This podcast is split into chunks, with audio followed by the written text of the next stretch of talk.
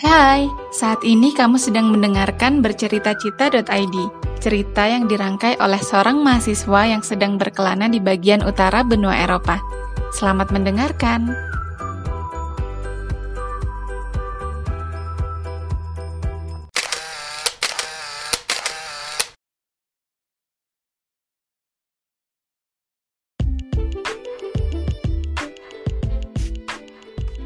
Halo, aku pengen cerita tentang pengalamanku pindah ke negara yang berbeda. Swedia, sebuah negara di bagian utara Eropa yang lima tahun lalu udah ada di daftar mimpiku. Mimpi untuk menginjakan kaki dan belajar di sini.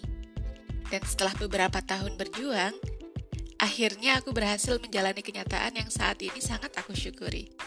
Kenyataan yang berawal dari mimpi. Oh iya, hari ini tepat 10 hari aku menghirup sejuknya angin musim panas di Swedia. Ya, meskipun ada beberapa hal yang berubah karena situasi pandemi, tapi Swedia tetap menyambutku dengan hangat. Masih segar rasanya di ingatanku ketika beberapa hari lalu aku menginjakan kaki di daratan Denmark. Jadi, aku terbang dari Indonesia menuju Copenhagen, ibu kota Denmark, lalu melanjutkan perjalanan selama 40 menit menuju kota kecil bernama Lund di selatan Swedia. Letak kota ini cukup jauh dari ibu kota. Butuh beberapa jam perjalanan dengan kereta dari Stockholm. Itulah kenapa aku memilih untuk turun di Copenhagen. Dari Kastrup International Airport, naik kereta, menyeberangi lautan, menuju Lund. Di kota inilah aku akan hidup dan belajar selama dua tahun.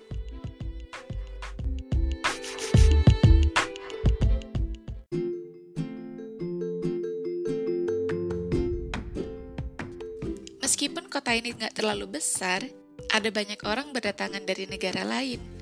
Beberapa temanku berasal dari Inggris, Austria, Korea Selatan, dan negara-negara lainnya. Kami disambut dengan sangat baik loh. Ada banyak sekali acara penerimaan mahasiswa baru yang dirangkai dalam kegiatan kelompok kecil, supaya tidak terlalu banyak kerumunan. Di Swedia, masyarakat tidak diharuskan memakai masker, tapi tetap harus menjaga jarak di tempat umum. Pemerintah Swedia mengambil pendekatan ini untuk menghargai hak penduduk Swedia dalam melakukan kegiatan sehari-hari mereka. Mereka percaya pada rakyatnya, dan tentunya hal ini berlaku sebaliknya. Oleh karena itu, aku dan teman-teman masih bisa mengeksplorasi kota Lund. Kami mengunjungi gedung-gedung kampus yang begitu indah, berfoto di depan perpustakaan universitas yang menjadi salah satu ikon Lund, melihat kemegahan gedung bersejarah seperti Lund Katedral, serta mengunjungi Botanical Garden yang menyuguhkan bunga-bunga nan cantik. Kami bahkan menyempatkan diri untuk pergi ke Loma Beach loh, salah satu pantai yang berada di pinggiran kota Lund. Pantainya sepi sih, airnya pun terlalu dingin untuk diselami. Aku juga cuma berani merendam kaki.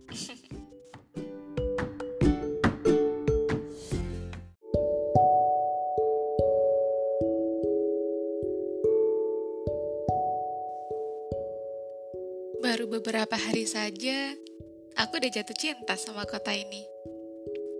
Ada begitu banyak tempat dan bangunan indah untuk dikunjungi. Setiap sudut kotanya begitu estetik, lengkap dengan ciri khas bangunan klasik Eropa yang sering kita lihat di film. Kota kecil ini nggak begitu ramai. Mungkin nggak seramai Paris atau London. Begitu tenang dan menenangkan juga. Pantas saja banyak orang yang menyebut Swedia sebagai surga di dunia. Ternyata emang sangat cocok untuk menghabiskan hari tua. Tapi, terlepas dari kekagumanku terhadap Swedia, tetap saja ada yang hilang. Sesuatu yang aku rindukan. Rumah. Rupanya betul kata orang, seberapa jauh kaki melangkah, tetap saja akan merindukan rumah. Tidak mudah rasanya untuk pindah. Hijrah ke tempat yang baru, bertemu orang-orang baru, dengan suasana baru. Namun, perpindahan membuatku mengerti artinya pulang. Apa itu rumah dan kehangatan para penghuninya. Perpindahan juga mengajarkanku untuk keluar dari zona nyaman. Seperti kata Brian Tracy, move out of your comfort zone.